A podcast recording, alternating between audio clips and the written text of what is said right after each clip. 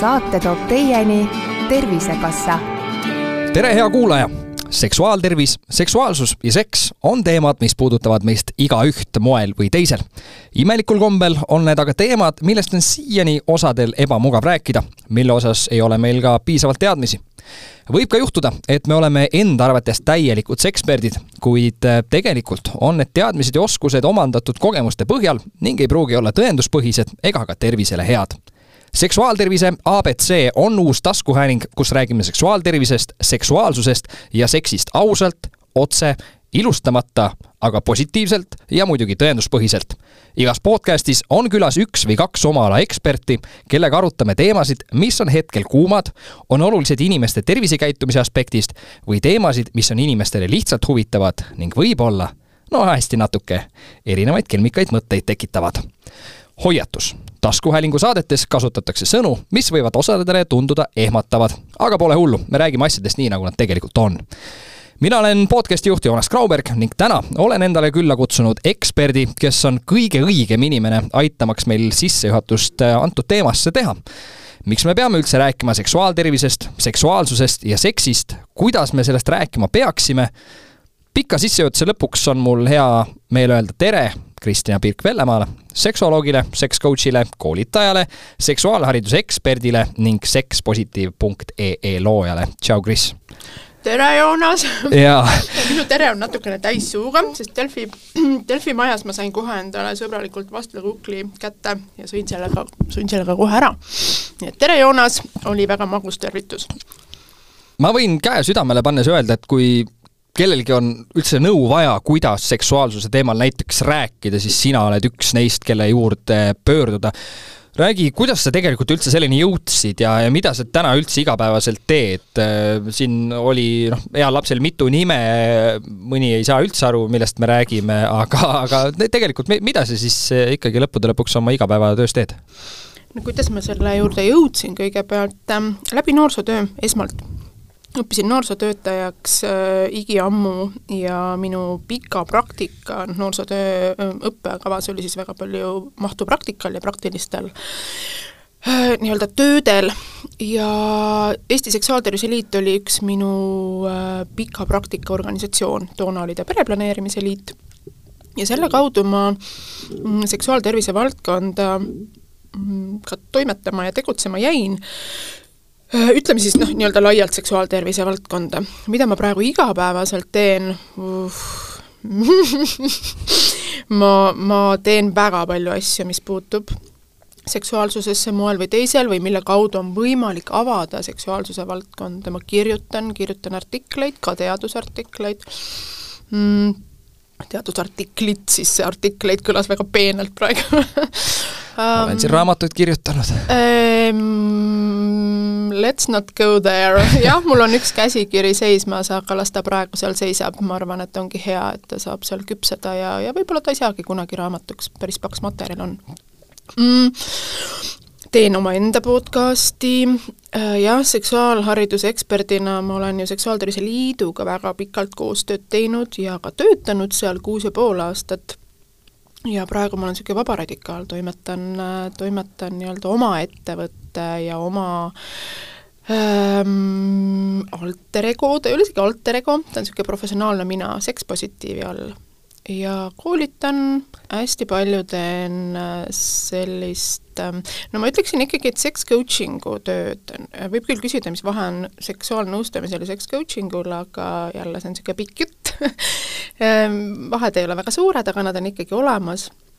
ja igapäevaselt loon sotsiaalmeedia sisu, Äh, oma Instagrami kontol ja seda selleks, et anda sellist sekspositiivset vaibi, tõenduspõhist seksuaalharidust ja et tõenduspõhine seksuaalharidus ja, ja selline sekspositiivne lähenemine ei oleks enam alternatiiv, mida ta vahepeal to-, tundunud justkui on, et, et see, millega me tegeleme, ei ole, ei ole justkui selline peamine, peamine diskursus, vaid et ta on kuidagi alternatiiviks muutunud, et tuua siis see fookus tagasi sinna tõenduspõhise ja sekspositiivse lähenemise juurde. Delfi taskus äh, nüüd siis seksuaaltervise abc nimeline taskuhääling siis hakkab oma esimesi saateid välja laskma koostöös Seksuaaltervise Liiduga, seda tehakse, seksuaaltervis.ee on ka üks osa sellest see võib-olla kõlab, naljakalt võib-olla kuulajale ka ja sulle ka, et, et, et miks me tegelikult sellist, miks meil sellist podcast'i üldse vaja on, et, et kas siis ongi tõesti nii suur kriis, et keegi ei julge enam nendel teemadel rääkida, sa ise teed ka oma teemadel podcast'i, et äh, ühtpidi võib-olla mõni ütlebki, et noh, las need seksiteemad jäävad jumal küll sinna magamistuppa, et meil ei ole vaja kõike magamistust välja tuua, et, et las nad olla seal kapis ja teen, mis ma teen. aga päris vist nii ei ole aa jaa, ma olen ka antropoloog ehk siis seksoloog, kui minu kohta öeldakse seksoloog, siis mina tegelen seksuaalsuse uurimisega kultuurilisest küljest. ja kõik need sõnad, mida me kasutame, on nagu hästi huvitav uurimisvaldkond minu jaoks ka, et kas me räägime seksist magamistoas, mida, mida, kas me räägime eelmängust, äh, mida see ütleb seksi kohta, kui me asjadest niimoodi räägime. ja ma ütleks, et inimesed jah, nad räägivad järjest julgemalt, aga küsimus on selles, millist infot inimesed saavad, millest nad äh, mm, kuidagi julgustust, tuge saavad, milline info on see, mis kujundab inimese arusaama sellest, milline on justkui, ja nüüd ma teen jutumärke, õige seksuaalsus ja õige seks, ja viimasel ajal on äh, mu sõnumite kast ja postkast hästi palju nii-öelda täidetud nendest sõnumitest, kus räägitakse orgasmidest, kliitoriorgasmidest, küsitakse, kas äh, ja, ja see sõna, see mõiste on süütunne, mida päris sageli kasutatakse, et ma nüüd tunnen süütunnet või tunnen segadust, sellepärast et on inimesed, kes liigitavad seksuaalsust kuidagi õigeks ja valeks või, või selliseks teadlikuks ja ma ei tea, mitteteadlikuks, ma ei tea, mis see teadliku vastand siis on selles käsitluses, et meil on vaja rääkida, muidugi meil on vaja rääkida, meil on vaja rääkida mitmekesisusest, sellest, et me oleme kõik erinevad, me oleme kõik erinevad ka muus plaanis, et et äh, hei, miks me siis eeldame, et seksuaalses plaanis kuidagi teistmoodi on ja seksuaalsus ja soolisus on ju ka lahutamatud äh, nähtused omavahel või inim, inimole, inimeseks olemise osad. et äh, jah, ühest küljest ma olen nõus, et seksist ja seksuaalsusest äh, räägitakse palju, aga nagu ma ütlesin, siis oluline on minu jaoks see, et sinna sellesse viisi, kuidas me räägime, mahuks hästi palju empaatiat, hästi palju inimeste kogemuste ja olemuse valideerimist ja tõenduspõhisust, et kui me midagi ütleme, siis see ei ole see, et kuule, mina kogen asju niimoodi, nii ongi, vaid, vaid et me saaksime nagu suuremalt üldistada ja, ja, ja ma ei tea, kuidagi nagu öö, oma argumentidele, et need argumendid põhineksid öö, sellistel kindlatel jalgadel, ma ütleksin aitame nüüd võib-olla ka kuulajad selles osas, et äh, sa tõid juba välja siin äh, kaks sõna, need on seks, seksuaalsus, lisaks me räägime seksuaaltervisele, seksuaaltervisest, äh, siis natukene võib-olla on see küsimus, et, et inimeste jaoks äh, tekitab ebamugavust või, või siis nagu teadmatust see, et nad tegelikult ei teagi, mis, mis vahe sellel on, et, et kui hakatakse rääkima sellest, et me peame rääkima seksuaaltervisest või seksuaalsusest, siis äh, hakatakse mõtlema kohe sellest, et äh, nüüd me pea, peamegi rääkima magamistoa teemadest mis vahe siis seal tegelikult lõppude lõpuks on, et, et seksuaaltervis, seksuaalsus, seks, seksuaaltervis ise juba nii-öelda sõnana ja valdkonnana on hästi-hästi lai. ja, ja, ja seksuaaltervise alla ühtpidi ju käibki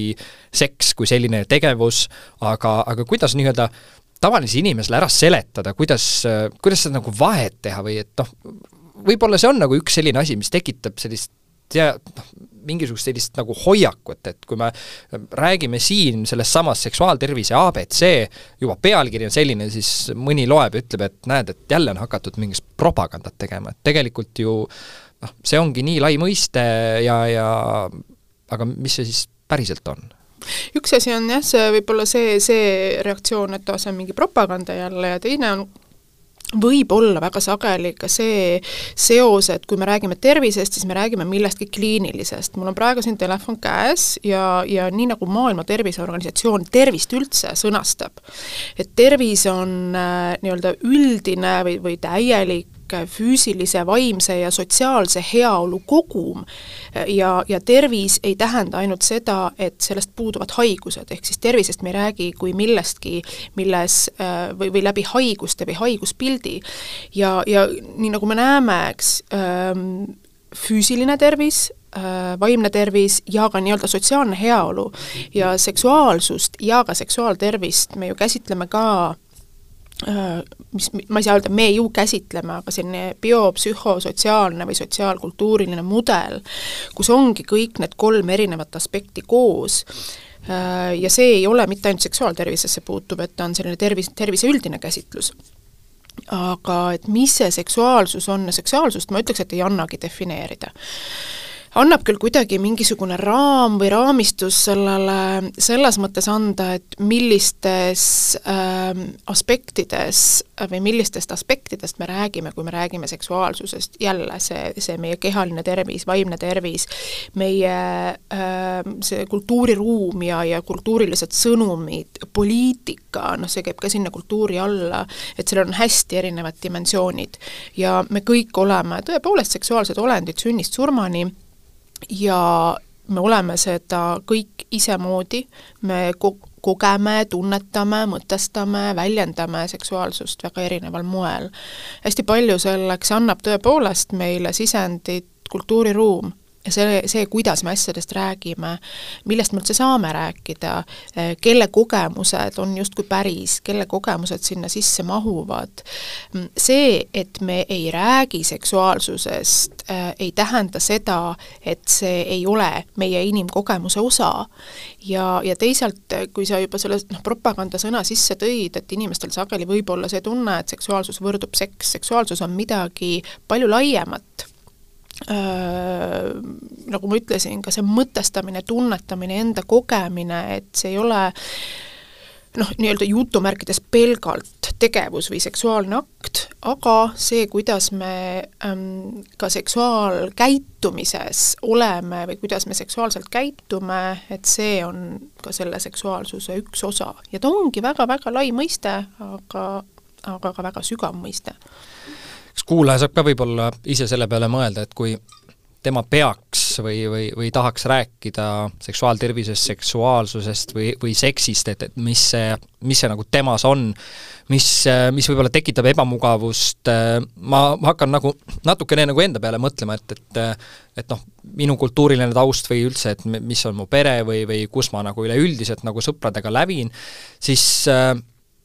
noh, ei, ei ole nagu sellist nagu plokki, äkki absoluutselt nende teemade osas, ei ole vahet, kes see inimene minu vastas on, äh,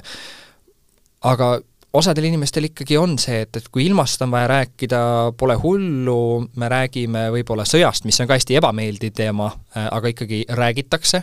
ähm, me räägime võib-olla ka haigustest või, või lihtsalt tervisest, aga kõik, mis nii-öelda läheb ikkagi äh, juba seksuaaltervise poole peale, siis me ise justkui nagu blokime selle ära, et äh, ka, ja ma mõtlesin isegi nagu lapsi, sellepärast et laste puhul on natuke nagu lihtsam, sest neil, neil tekivad küsimused mm -hmm. ja neil ei ole seda valehäbi mm. -hmm. aga, aga just täiskasvanud, et tegelikult ju me oleme oma perekonnast mingil määral juba nagu emaldunud mm -hmm. ja me ikkagi oleme võrdlemisi äh, nagu häbelikud nendel teemadel, kuigi noh, ei, ei pea ilmselt väga palju numbreid vaatama, aga see on ju teema, mis meid kõiki väga, väga huvitab ja, ja millega me ise kokku puutume, et, et see on nagu hästi selles mõttes selline naljakas vastuolu, et, et teema, millega me kõik puutume kokku, osade jaoks võib-olla on see väga positiivne teema, osade jaoks noh, kui me räägimegi seksuaalvägivallast, siis me, me neid inimesi ja üldse selle teema puhul me räägime sellest, et tuleb rääkida. Ja, ja, ja me püüame aidata inimesi, et sellest rääkida, aga kui me just tuleme sellesama positiivse poole peale nüüd äh, tagasi, siis äh, justkui inimesed ei, ei, ei taha nagu rääkida, et see on suhteliselt nagu jah, huvitav selline nagu nähtus tegelikult tead, mulle tundub äh,, mulle tundub ja ma olen hästi palju viimasel ajal mõelnud selle peale ja vaadanud ka inimeste noh, mingisuguseid reaktsioone, käitumisi, ja ma ei saa öelda, et asjad on nii või asjad on naa. mulle tundub, et inimesi vahel võib-olla pelutab see, see, see kartus, et kui ma millestki räägin, mingi küsimuse küsin või mingi teema esile toon, mis puudutab seksi ja seksuaalsust, et siis ma, ma räägin omaenda kogemusest. ja see on jälle niisugune huvitav kultuuriline nähtus, et miks me peaksime seksuaalseid kogemusi kuidagi rohkem äh, häbenema kui muid kogemusi, aga see on selline jälle mull, milles me oleme kasvanud, see jutt sellest, et mingid asjad on lihtsalt nii privaatsed, et nendest ei räägita, hea küll, aga räägime siis üldiselt. Ja kui me ei saa rääkida mingitest asjadest, mis on justkui väga privaatsed, siis on väga raske meil seda ka niimoodi üldiselt ja kõnetavalt teha. Mm, inimesed on haavatavad, mis puudutab seksuaalsust, siis see on üks enim nii-öelda haavatavam Äh, identiteedi osa või inimeseks olemise osa minu meelest ja selles, et ta on haavatav, on ka suur, suur, suur ähm, roll nii kultuuris ja ka psühholoogias, eks ju, et see, see, mida me tunneme, kuidas me reageerime, mida me millega seostame, millised on meie kogemused ja nii edasi ja nii edasi. ja, ja ega seksuaalsus on olnud ka väga suur võimu nii-öelda tööriist kuidas kedagi kontrollida, kellegi keha kontrollida, see on olnud ka väga suuresti selline võimuvahend. ja, ja need asjad nagu on nii tugevalt omavahel põimunud ja, ja noh, kui rääkida inimestega, küsida, mis märksõnad neile pähe tulevad, õnneks noh, ma olen nii kaua selles valdkonnas töötanud ja ka koolitaja olnud üle kahekümne aasta, et jaa, väga paljud märksõnad korduvad, aga järjest rohkem tuleb siia sellist sekspositiivsuse poolt sisse, naudingu poolt sisse, aga ikkagi ka häbi, tabu, stigma, need on endiselt märksõnad, millest räägitakse. Ja eks me, eks me väga teadlikult neid ka adresseerime ja, ja neid teemasid esile toome. Äh,, ma ei tea, vahetevahel ka iseennast võib-olla kusagile jotile visates, et just täna tuli ka mulle Instagrami üks küsimus, et aeg-ajalt ma teen seal selliseid lihtsalt avatud mikri äh, postitusi ja siis küsimus, et kas kõik need asjad, millest sa sekscoach'ina räägid või seksuaalnõustajana, ma ei mäleta, kumba väljendit seal kasutati, et kas sa proovid need ise ka läbi no ei! ja, ja vahel on ka see tunne, et, et noh, sa oled kuidagi eriti nojah, meil on ka see privileeg, eks ju, et me oleme selles valdkonnas töötanud inimestena teatud sellise kihi endale kasvatanud ja sa tead, et sa räägid asjadest nii noh, üldiselt, vahetevahel tood ka mingisuguseid isiklikke kogemusi sisse, mis puudutab näiteks suhteid, inimesed sageli ei seostagi äh, suhteid või piiride seadmist seksuaalsusega või seksuaalkasvatuse või seksuaalharidusega, et, et ta nagu kipubki kuidagi väga ära minema sinna seksuaalakti peale konkreetselt. aga jah, et, et see selline enda nii-öelda kuidagi esile viskamine või kilbile panemine, et okei okay,, et ma olen siis ka mingis mõttes tööriist seda, seda teemat äh, edendades ja seksuaaltervist edendades, edendades, et see, eks see, ma arvan, on ka mingis mõttes väga kõnekas või kõneleb sellest, kuidas me nendest asjadest üldse rääkida saame või tekitada mingisuguseid arutelusid. mulle meeldib see, et sa tõid äh, välja selle sekspositiivsuse poole. võib-olla kui me vaatame korra ajalukku, siis äh, eks äh, meil olid Eestis äh, noh, riigi algusaegadel oli ka, noh, olid väga selged eesmärgid, kuhu me, kuhu me liikusime, üks oli see, et, et me saaksime HIV-i, HIV-i numbrid maha, me saaksime kontrolli alla suguhaigused, abordid ja nii edasi, siis praegu vähemalt mul on jäänud selline tunne, et, et nii-öelda nakkustest hoidumine, rasedusest hoidumine on sellised teemad, millest inimesed räägivad vabalt. ja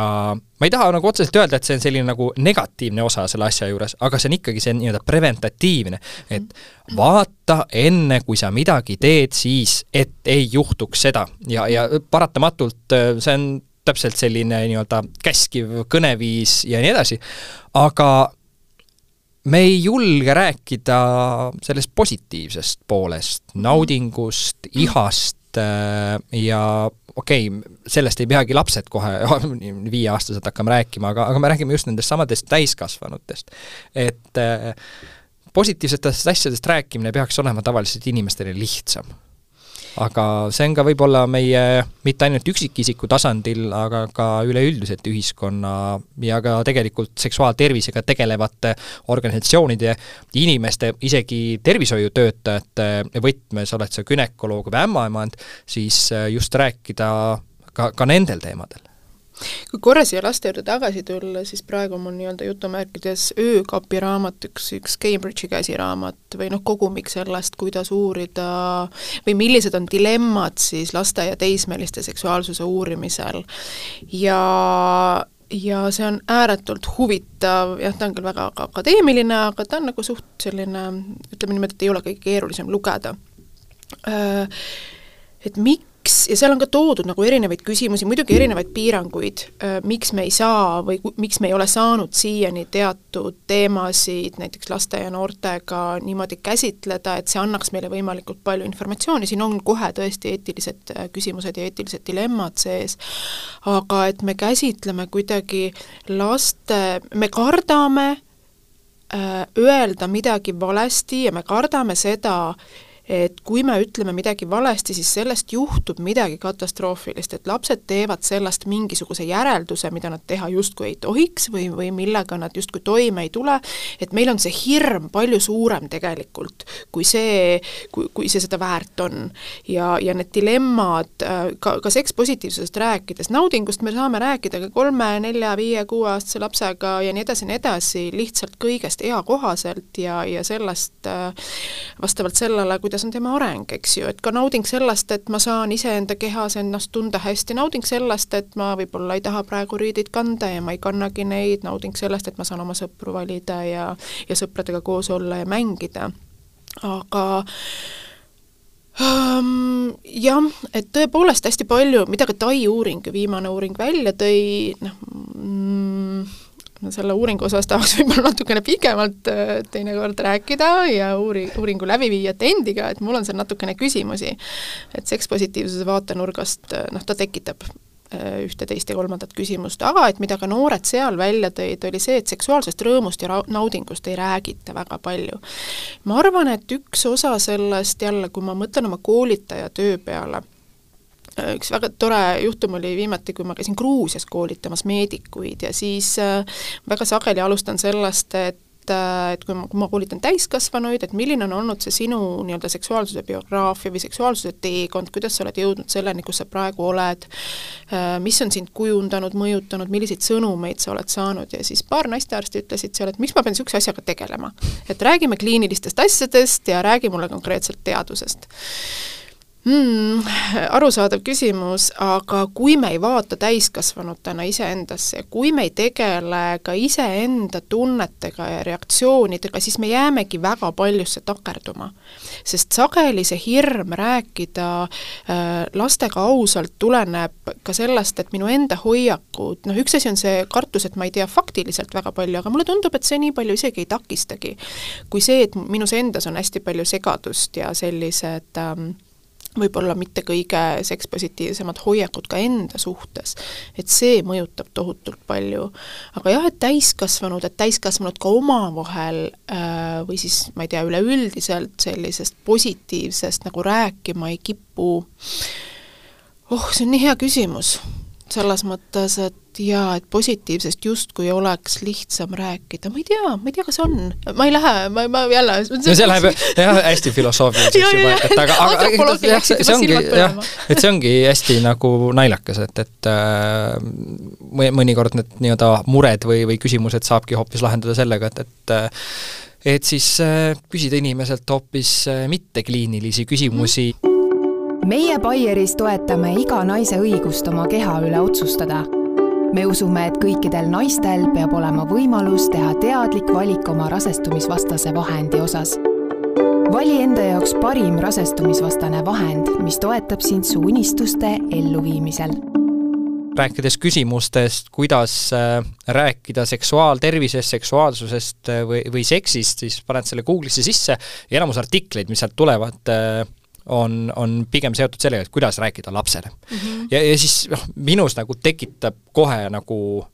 sellise nagu väikse errori peas, et oot-oot-oot, et noh, me, me räägime hästi palju sellest, kuidas rääkida lapsele mm. -hmm. aga kuidas me saame lapsevanemana rääkida teemadest lapsele, millest me ise näiteks ka oma partneriga või siis, või siis täiskasvanud inimeste vahel, millest me ei taha rääkida. ja siis just hakkasin mõtlema, et huvitav, et millal siis tulevad need artiklid, et eh, kuidas rääkida seksuaalsusest oma partneriga või, või siis lihtsalt inimesena. et, et see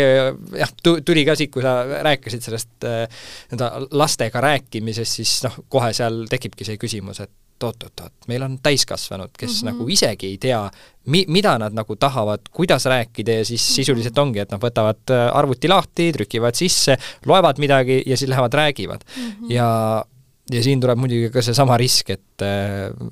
loeme blogipostitusi, loeme Instagrami, meie nii-öelda see rääkimise, digitaalse rääkimise nagu see võimekus erinevatel inimestel on nii suur ja see võim ka, ja ka inimesed ju pigem eriti täiskasvanud kusjuures, võtavad äh, omaks seda äh, infot, ja seda juttu, mis neile isiklikult tundub lihtsam mm -hmm. ja võib-olla ägedam ja, ja siis nad ka mi-, mingil määral ikkagi mõjutavad sellega ka oma, ka oma last. noorte puhul on rohkem võib-olla ikkagi seda, et, et otsitakse ka sellist nii-öelda teaduspõhist või tõenduspõhist äh, informatsiooni, aga see on ka seotud muidugi sellega, et on ka koolis seksuaalharidus, et, et võib-olla see nii-öelda lastega seksuaalsusest rääkimine on nagu ma ei taha öelda teisejärguline, aga ühtpidi peaks nagu korra astuma nagu sammu äh, sellest nii-öelda munast kana poole ja, ja vaatama, et, et inimesed, täiskasvanud äh,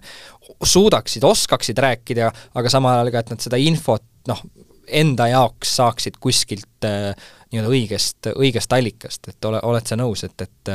et võib-olla täiskasvanud esimesena peaksid hakkama vaatama kuida-, kuidas rääkida? jaa, muidugi ma olen nõus ja ma ütleksin siia veel lisaks seda, et sa ütlesid, et mis tundub ägedam, mingi sõna veel, ja ma lisaksin siia seda, et mis tundub minu praeguse väärtus, sellise, ühesõnaga minu, minu kas väärtustega või minu teadmiste või minu uskumustega kattuvat. et ma võtan seda infot lihtsamini vastu aga see, et lapsevanematega, lapsevanem, jah, täiskasvanutega ja täiskasvanute ka ja laste ka, et ma räägin laste ka ja täiskasvanute ka, et ma ei räägi nendele. vahel küll räägin ka nendele, aga, aga mulle meeldib jah, mõelda, et see on selline pigem nagu kaasav tegevus, isegi kui ma mingit monoloogi oma podcast'is pean, aga sul ei käigi külalised? räägid üksinda? ja ei, kusjuures ma, ma just tere, siin on Kristina ja siin on Kristina ei, vastupidi on tegelikult, ma sellel aastal alles hakkasin tegema selliseid monolooge, monoloogi, üks on kohe-kohe salvestamisel, aga ei, mul on ikka peamiselt külalised. aga ähm, kui, kui nagu, kui me mõtleme sellele, kuidas me oleme lähenenud ka seksuaalharidusele, ma saan sellest väga hästi aru, miks on olnud koolid äh, fookuses sest et me saame seal ligi äh, lastele ja noortele, kes võib-olla kodust äh, seda haridust ja tuge ja, ja sellist kasvatust ei saa, aga me oleme jätnud täiesti unarusse, ühesõnaga ka see WHO seksuaalhariduse standardite dokument, eks ju, mis on juba ammu-ammu välja antud, ka seal on üks keskne lähenemine ja soovitus see, et seksuaalharidus oleks ka kogukondlik. ehk siis, et äh, seda veaksid nii haridusasutused kui lapsevanemad kui ühiskond laiemalt. me oleme jätnud lapsevanemad unarusse, me oleme jätnud lapsevanemad tegelikult Äh, ja ma saan aru, seda räägiti väga pikalt, et piiratud ressursside tingimustes nagu halloo, meil on praegu aasta, mis asi, kaks tuhat kakskümmend kolm, kui kalender õigesti ütleb, siis küll, jah. jaa, et teeme matemaatikat mitukümmend aastat, eks ju, me sedasama juttu kuuleme ja kuulame, et äh, meil oli ka ju Seksuaaltervise Liidus, meil on olnud kui ma siis räägin nagu minevikus, kui ma ise seal veel töötasin, ju erinevaid näiteid, on kohalikud omavalitsused, kes on väga nagu lapsevanemaid püüdnud toetada või leidnud ka katet rohkemal või vähemal määral lapsevanema hariduseks ja on omavalitsusi, kes ütlevad, et see ei ole meie probleem, ma ei hakka siin nimedest rääkima et see ei ole meie probleem või siis no ma ütlen, et sellega nad ütlevadki tegelikult, et see ei ole meie probleem, et lapsevanemad saavad ise neid teadmisi hankida, neid koolitusi hankida. jah, me pakume neile koolitusi, on ka tarkvanem.ee, mille ma ka ise kunagi kirjutasin, mis praegu tegelikult vajaks selgesti toimetamist, sest sellest on juba üle viie aasta möödas. Et neid, neid mingisuguseid infoallikaid on,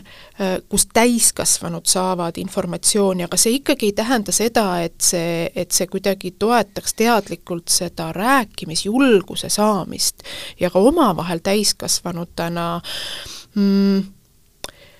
ka see tagasiside, mida ma näiteks Sex Positive'i Instas saan või, või ka need küsimused, viimasel ajal tulevadki postitused juba äh, rohkem inimeste küsimusest, et äh, kui sellest, äh, mida ma nagu ise mõtlen, et nii, täna ma räägin sellest või tollest, noh, ühesõnaga nad on vaheldumisi, aga need küsimused annavad järjest rohkem sisendit. ja inimesed küsivad äh, palun anna mingi konkreetne nõuanne, kuidas rääkida oma partneriga, milliseid sõnu justkui vältida, et ma ei solvaks teda või ma ei teeks talle haiget. ja see on jälle, minu meelest annab kuidagi aimu sellest, et me mõtleme seksuaalsusest kui millestki, mis on ülejäänud elust kuidagi hästi väljaspool. et äh, nii üldistatult öeldes ma äh, olen nagu päris veendunud, et kui sa suudad oma partneriga rääkida muudel teemadel austavalt, te, tema kogemust valideerivalt, enda, enda kogemusi nii-öelda analüüsivalt, siis sa suudad seda teha ka seksuaalsust puutuvates teemades, aga jah, et meil, meil ei ole olnud see, see väga toetatud ja, ja need vestlused ei ole olnud väga toetatud. ja tegelikult mida näitab teadus? Mm,, ma olen niisugune suuremat sorti seksiteaduse nohik. Mida näitab teadus, mida näitavad uuringud, on see, et mida rohkem mida julgemalt ja avatumalt me oma partneriga või partneritega seksuaalsuse teemal räägime, mida rohkem inimesed seksuaalsuse teemal julgevad rääkida, seda rohkem on nad rahul oma seksuaaleluga.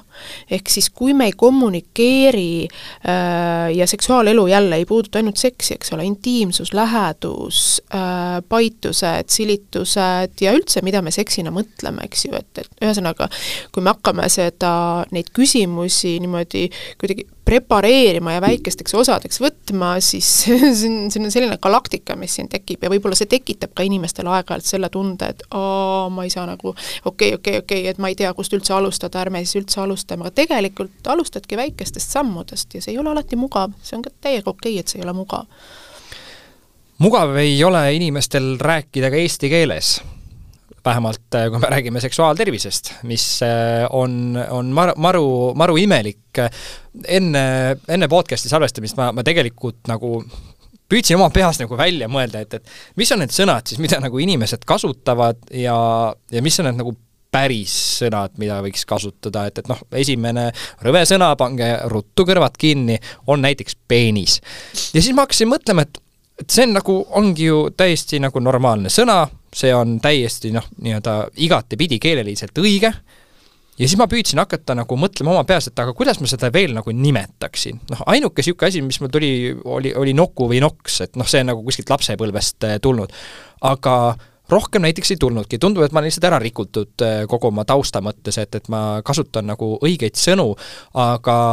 mul on olnud vestlusi erinevate näiteks äh, gümnakoloogidega või, või meestearstidega, üleüldiselt tegelikult äh, erinevate inimestega, kes siis äh, noh, kinnitavad ikkagi seda, et äh, tegelikult inimesed ei kasuta eesti keeles õi-, õigeid termineid, et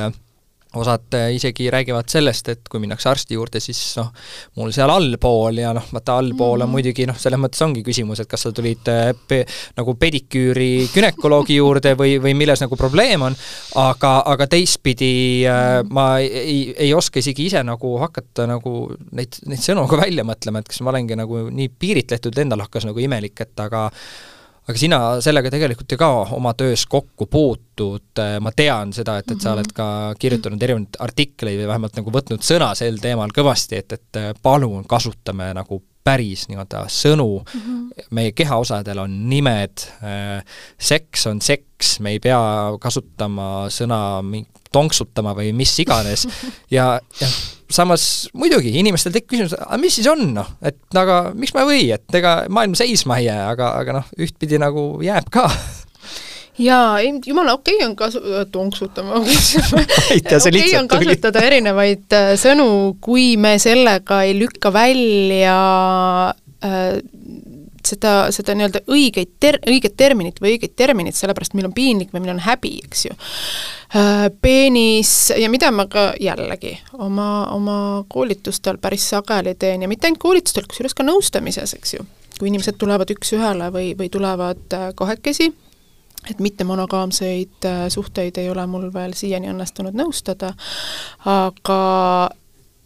et me nimetame, ütle pea,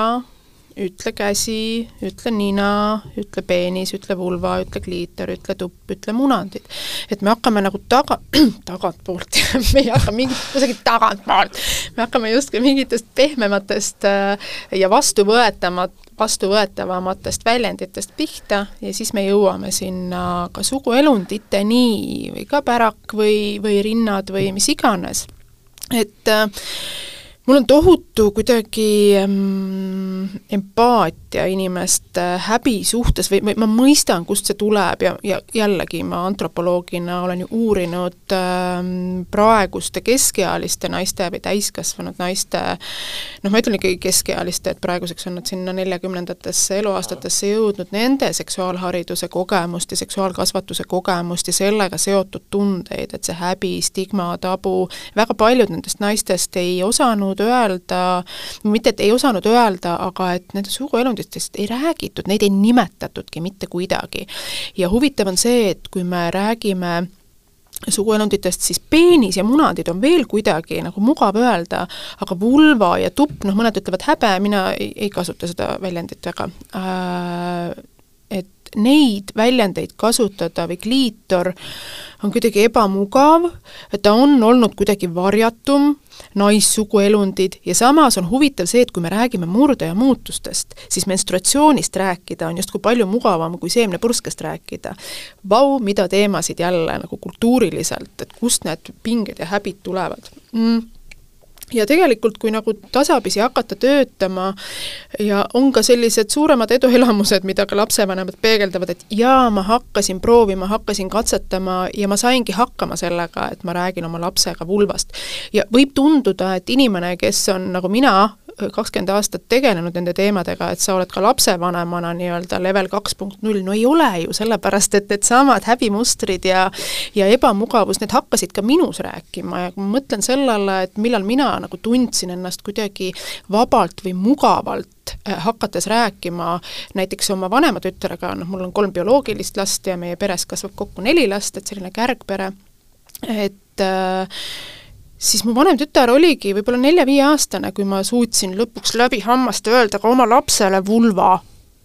eks ju. et see kõik võtabki tegelikult hästi palju tööd, tööd iseendaga, aga seda on vaja teha, sellepärast et, et et äh, vastasel juhul me ei saa oma lapsi kuidagi rohkem toetada või paremini toetada, kui meie seda olime, et see, see kehahäbi ja teatud kehaosade teisiti nimetamine seda häbi ju toetab, see ei aita mitte kedagi. ja ma tean, et on ka inimesi, kelle selline teoreetiline lähtekoht või soovitus on see, et hea küll, et ütle peenis ja, ja vulva ja tupp, aga et sa võid kasutada neid nii-öelda lapsepäraseid nimetusi edasi hmm,, need ei ole lapsepärased nimetused, sest neid nimetusi ei mõtle välja lapsed ise, vaid need on nimetused, mille täiskasvanud lastele õpetavad, et jälle niisugune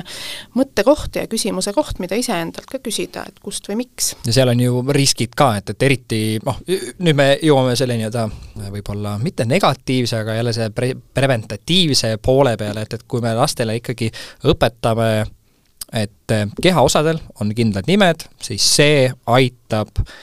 loodetavasti ei ole seda kunagi vaja, aga kui on äh, siis äh, seksuaalvägivalla või, või muu sarnane juhtum, kus siis on tegelikult vaja seda, et laps teaks, missugused kehaosad kannavad missugust nime, kust katsutakse või kust ei tohi katsuda mm, -hmm. et, et ka see arusaam, et aga, aga me võime võtta ka selle nii-öelda positiivse poole, äh, just võib-olla siis liigume nii-öelda lastest äh, nii-öelda siis äh, va-, vanemate inimesteni või siis noorteni, kes ka reaalselt siis aktiivset seksuaalelu elavad, selleks, et ka võib-olla naudingut saada, selleks, et see seksuaalelu oleks täisväärtuslik, siis ei ole mõtet rääkida, ma olen nagu sõnades selles mõttes tühi, aga et kui sa nagu ei oska isegi enda mingi, enda siis kehaosi äh, nimetada, siis on ka väga raske näiteks öelda mehele, et tee sealt alt seda mm. -hmm. mida? jaa, et äh, ma olen all allkorrusel või et, et selles mõttes, et seal ongi, et ei ole lihtsalt ainult see, et meie siin kahekesi räägime, et palun ikkagi kasutage neid õigeid mm -hmm. sõnu, aga seal on nagu reaalselt, päriselt sellised nagu praktilised põhimõtted ka, miks, miks see on tegelikult hea, kui me räägime asjadest nii, nagu nad on. jaa, ja lihtsalt ma tahan öelda ainult seda, et sa suudad seda, see tundub küll, et see on mingi ületamatu, päriselt sa suudad seda, sa saad sellega hakkama, see vajab harjutamist, aga sa saad sellega hakkama. Tuleme korra meedia juurde. Äh, meedia on üks selline asi, mis äh, ühtpidi meid kõiki ju mõjutab, mõjutab ka seda, kuidas me asjadest räägime, millest me räägime, kuidas me millestki räägime. Ja kui me vaatame seksi, siis seks müüb. Ja, ja see on nagu teada, teada nagu lause, aga, aga teistpidi see on nagu see kurja juur, sest me seksualiseerime meedias ka, ma ei taha nüüd öelda, et nii, Delfi, palun lõpeta ära või et äh, keegi teine, aga, aga me ikkagi näeme seda, et äh, seks siiamaani müüb ju klikki, müüb, toob sulle kasumit, kui oled suunamudija, siis asjade seksualiseerimine, oma ego või oma sellist nii-öelda tähtsust annab kindlasti sellega nagu tõsta. Mi-, mida me nagu sellega tegema peame, et sest ühtpidi lapsevanemana ka mõtled äh, ju väga palju, et, et mida sa lased lapsel vaadata, mida mitte, me näeme muusikavideosid, muusika lastele meeldib, nad ei saa võib-olla inglise keelest veel väga hästi aru, ongi hea, sest ka need sõnad on täiesti noh, õuduskuubis, aga siis tuleb see muusikavideo sinna otsa, siis sa mõtled nagu, et noh, jumal küll, et et, et ku-, kuidas siis nii, et, et seda seksualiseerimist äh, meedias, muusikas, igal pool tegelikult on nii maru palju ja see ka ikkagi mõjutab seda, kuidas inimesed nendel teemadel räägivad? jaa, ma hakkasin siin nihelema kõvasti. Tekkis niisugune tekkis jah, mitte iga seksualiseeritus ei ole ju negatiivne, selles mõttes, et eks me noh, annamegi hinnanguid, kas miski on positiivne või negatiivne, võib-olla natukene kuidagi selles mõõtmes, mida me justkui arvame, et üks või teine asi siis tagajärjeks toob või teeb või kaasa toob. mina tahaks küll öelda, et Delfi lõpeta ära või Postimees naine lõpeta ära, sest näiteks eelmisel nädalal alles oli üks pealkiri, kus äh, räägime siis nimedega, Postimehes räägiti seksisõltuvusest või õigemini siis artikli pealkiri oli seksisõltuvus ja artikli sisu sellest ei rääkinud nagu suurt midagi, et tegelikult oli lihtsalt suurenenud iha ka inimestest, ühesõnaga see oli üks, üks puder ja kapsad. ja, ja et see, kuidas meedias kirjutatakse millestki, milliseid sõnu kasutatakse, see tegelikult väga palju tõesti omab mõju üldse, seksisõltuvusest rääkimine on tänases päevas juba vägagi kritiseeritud ja noh, Annika Tamme on meil Eestis minu teada ainukene seksuaalterapeut, kes kes nagu kompulsiivse seksuaalkäitumise eksperdina öö, oskab siin väga-väga hästi sõna võtta ja välja tuua neid ohukohtasid, aga Ehm, jälle, tulles tagasi korraks siia meediauuringute juurde, siis äh, või, või ka seksuaalsuse uuringute juurde ja laste ja teismeliste või noorte seksuaalkäitumise uuringute juurde, siis selles samas Cambridge'i käsiraamatus oli ka üks huvitav artikkel sellest, kuidas meedia mõjusid uuritakse, me ei ole kahjuks uurinud meedia positiivset mõju seks-ed näiteks ja, ja muud seriaalid, filmid, mis tegelikult annavad informatsiooni, millest lapsed, noored, lapsed, noored jah, täiskasvanud on ilma jäänud. et meedial võib olla ka väga jõustav ja positiivne mõju, aga meedial on ka valik mida teha, et ühe käega küll seda sekspositiivsust nii-öelda esile tuua ja promoda ja samas teise käega anda ruumi nendele inimestele, kes stereotüpiseerivad, kes räägivad äh, tõelistest meestest, ma teen siin jutumärke, tõelistest naistest, ehk siis panevad inimesi endiselt mingisugustesse vanadesse ja arusaamatutesse kastidesse. et jah, üks asi on see, kuidas me nagu lastele ja, ja meedia jällegi annab meile võimaluse lastele selgitada kõik sellised hetked, mis mis annavad meile võimaluse tekitada vestluseid, dialoog, mida lapsed ise võib-olla näevad või küsivad, see on seksuaalkasvatus ja seksuaalkasvatuse osa. lihtsalt me peaksime oskama seda teha äh, väga teadlikult ja selleks, et me oskaksime seda teadlikult, vajavad nii lapsevanemad kui õpetajad kui muud täiskasvanud äh, abi ja tuge, aga me ei taha jääda ainult jälle siia lapsevanema rolli juurde või laste toetamise juurde, et me ise peame saama ja oskama ka ennast toetada.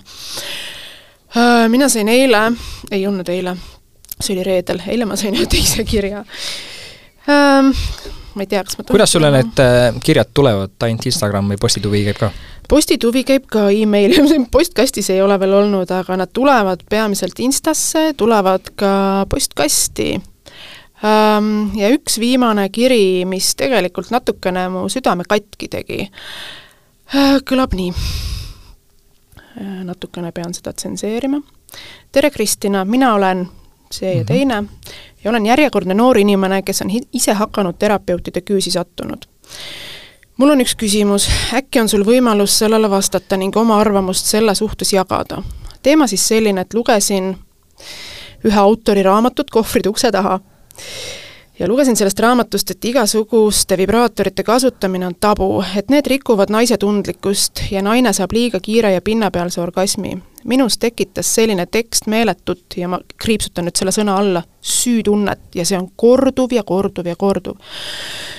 ehm, see oli nüüd minu selgitus. kuigi, loen kirja edasi, kuigi üritasin endale selgitada, et iga inimese jaoks on tema enda viis, kuidas naudingut saada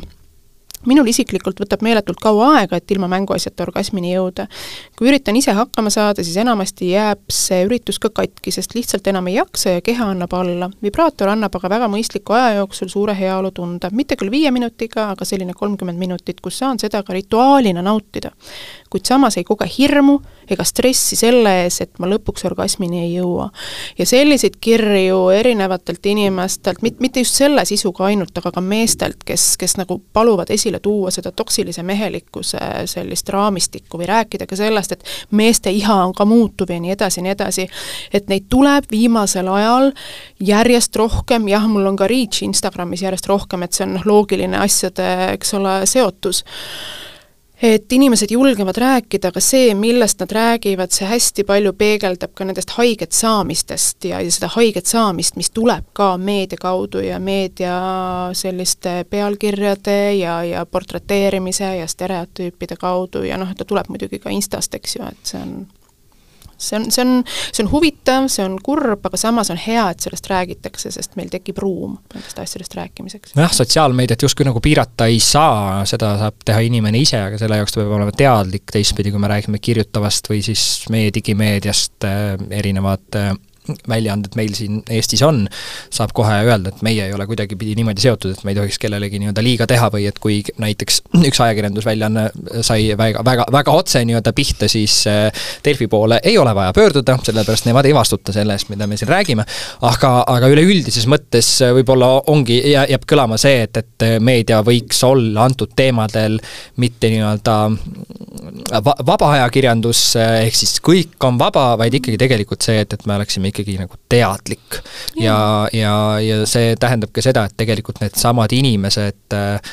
kes siis seda meediat toodavad, võiksid olla vastutustundlikud, aga, aga see on võib-olla siis järgmise saate teema, kus meile tuleb külla Diana Leht, kellega me natukene räägime siis ka seksuaalharidusest. Meie kolmveerand tund on saanud väga kiiresti äh, lõpu ja, ja umbes niimoodi neljakümne viie minuti sisse tahame me ka oma saated äh, ka tulevikus sättida, need, kes sõidavad Tallinnast Tartusse, noh, peavad midagi muud ka tegema. kuulavad mitu korda. jah, kuulavad mitu korda, et, et asi, asi selgeks saada ma arvan, et sinuga on meil, oleks meil tegelikult äh, teemasid, millest rääkida päris, päris palju, võimalik, et me seda ka tulevikus teeme, sellepärast et äh, seksuaaltervise abc